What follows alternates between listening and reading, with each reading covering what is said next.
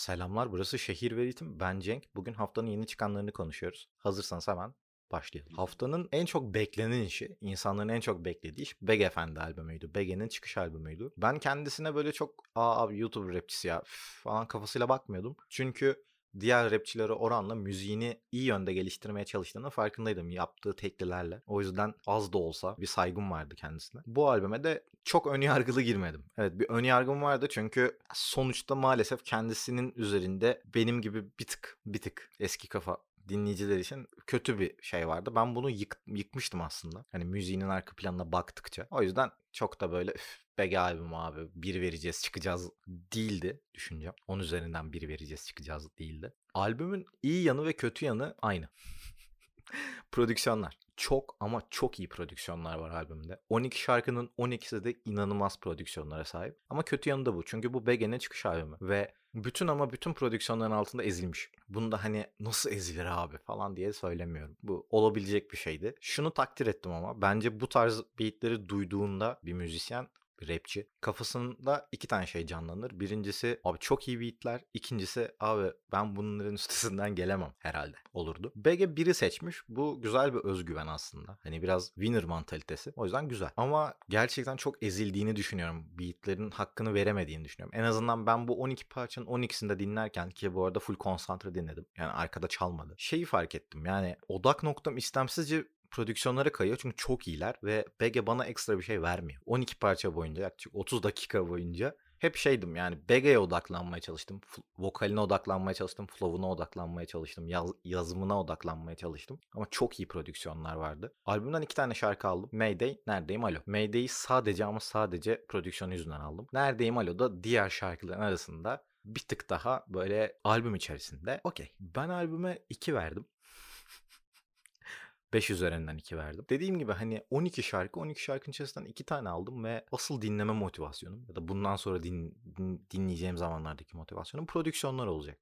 Ve bence bu kötü bir şey. Ancak BG ve BG'nin etrafındaki ekip Türkçe rapte bence başka kimsenin yapmadığı bir şey yapıyor. Hedef kitleleri var bence. Yani bu tamamıyla bence. Ve hedef kitleleri de şu inanılmaz dar bir hedef kitlesi. Artık Amerikan eğlence endüstrisine girmiş, onun bir parçası olan Türk gençleri var ya tamamıyla onları oynuyorlar. Yani BG'nin bu albümde yapmak istediği her şey Amerika'da bir yerlerde yapılan ve Türkiye'de karşılığı olan Türkiye'de gençlerin özellikle 16-21 yaş arası iyi bir aile durumuna sahip biraz daha Avrupa'yı zevkleri olan Hani o sitedeki basketbol çocuğu aslında. Bunları aşağılamak için söylemiyorum. Oraya oynuyor BG. Ve bu anlamda başarılı bir albüm. Çünkü o tarz bir kitlenin arayacağı her şey var burada. O açıdan bakarsak bu albüm amacına ulaşıyor. İstediğini yapabiliyor. Ama albüm anlamıyla dinlediğinde yani BG'yi mesela rap dinleyicilerine ya da müzik dinleyicilerine tanıtma açısından belki müzik kısmına prodüksiyondan dolayı evet ama rap kısmına gereken önyargıyı yıkamayacak bir şekilde geliyor bu albüm. O yüzden beni çok tatmin etmedi. Ancak dediğim gibi şeyi anlayabiliyorum. Neden böyle bir BG'nin etrafında hype var? Onu biraz anlayabiliyorum. Çünkü bu kitleyi iyi kullanabilirse gerçekten hem müziği hem kendisi bir yerlere uzanabilir.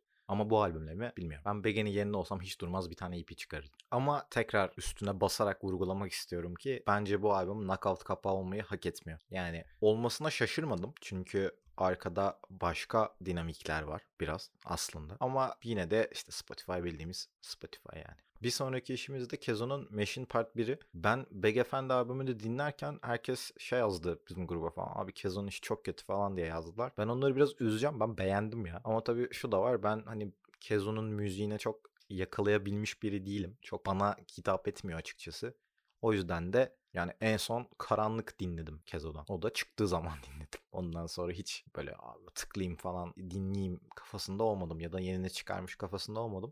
Bunu dinleme sebebim biraz komik. Çünkü hem gelen tepkiler şaşırttı beni hem de kapak güzeldi yani. Dedim okey. Ben kapaklara falan dikkat eden bir insan olduğum için okey falan diye girdim. İlk parça APO ile olan parça ve tekrar tekrar son parça. Onları aldım. 4 e, şarkı var. 4'te 3. Tamam abi. APO'yu hiç beklemiyordum. APO böyle klasik bildiğimiz işlerinden birini yapar falan diye düşünmüştüm ama bir şeyler yapmış ve hoşuma gitti. Kezo'nun performansı da bu arada hoşuma gitti. Beni aldı yani bu haftanın sürprizlerindendi bana kalırsa. Ama mesela şey olabilir bunu kesinlikle anlarım. Yani Kezo'yu sürekli dinleyen biri için aynı şeydir mesela ya da aralıklarla dinleyen bir insan için okeydir.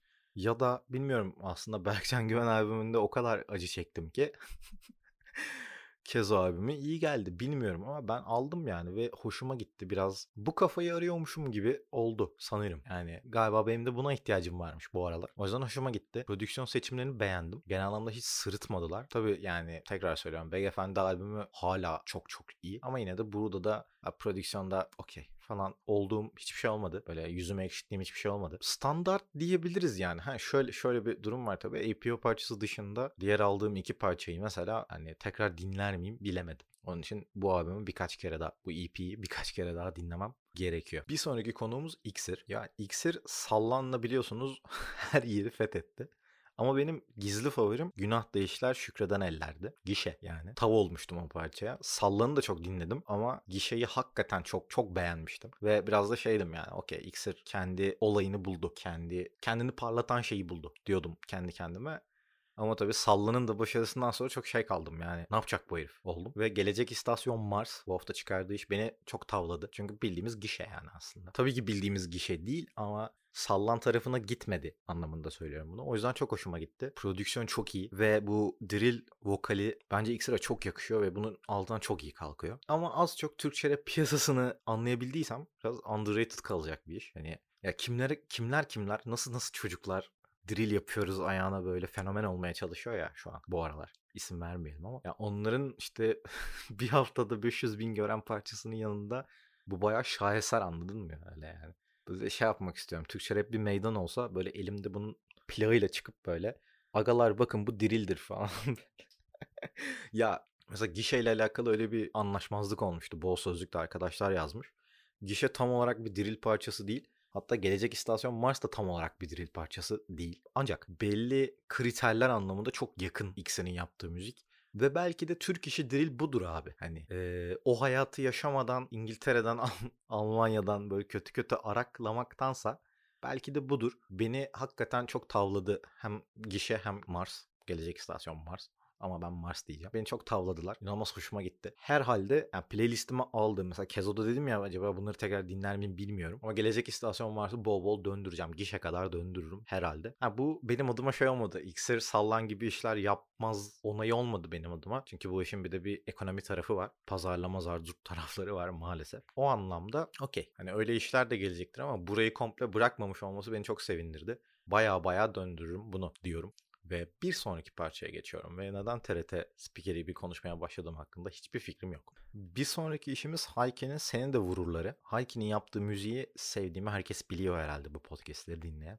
Ama burada çok istediğimi alamadım. Ne nakarat beni yakalayabildi ne de burada sanırım vokalle alakalı bir şey var. Çünkü hani dörtlük dörtlük baktığımızda okey yani Hayke'den sevdiğim, beklediğim şeyler bunlar. Ama bir türlü ben o moda giremedim ki çok da şans verdim.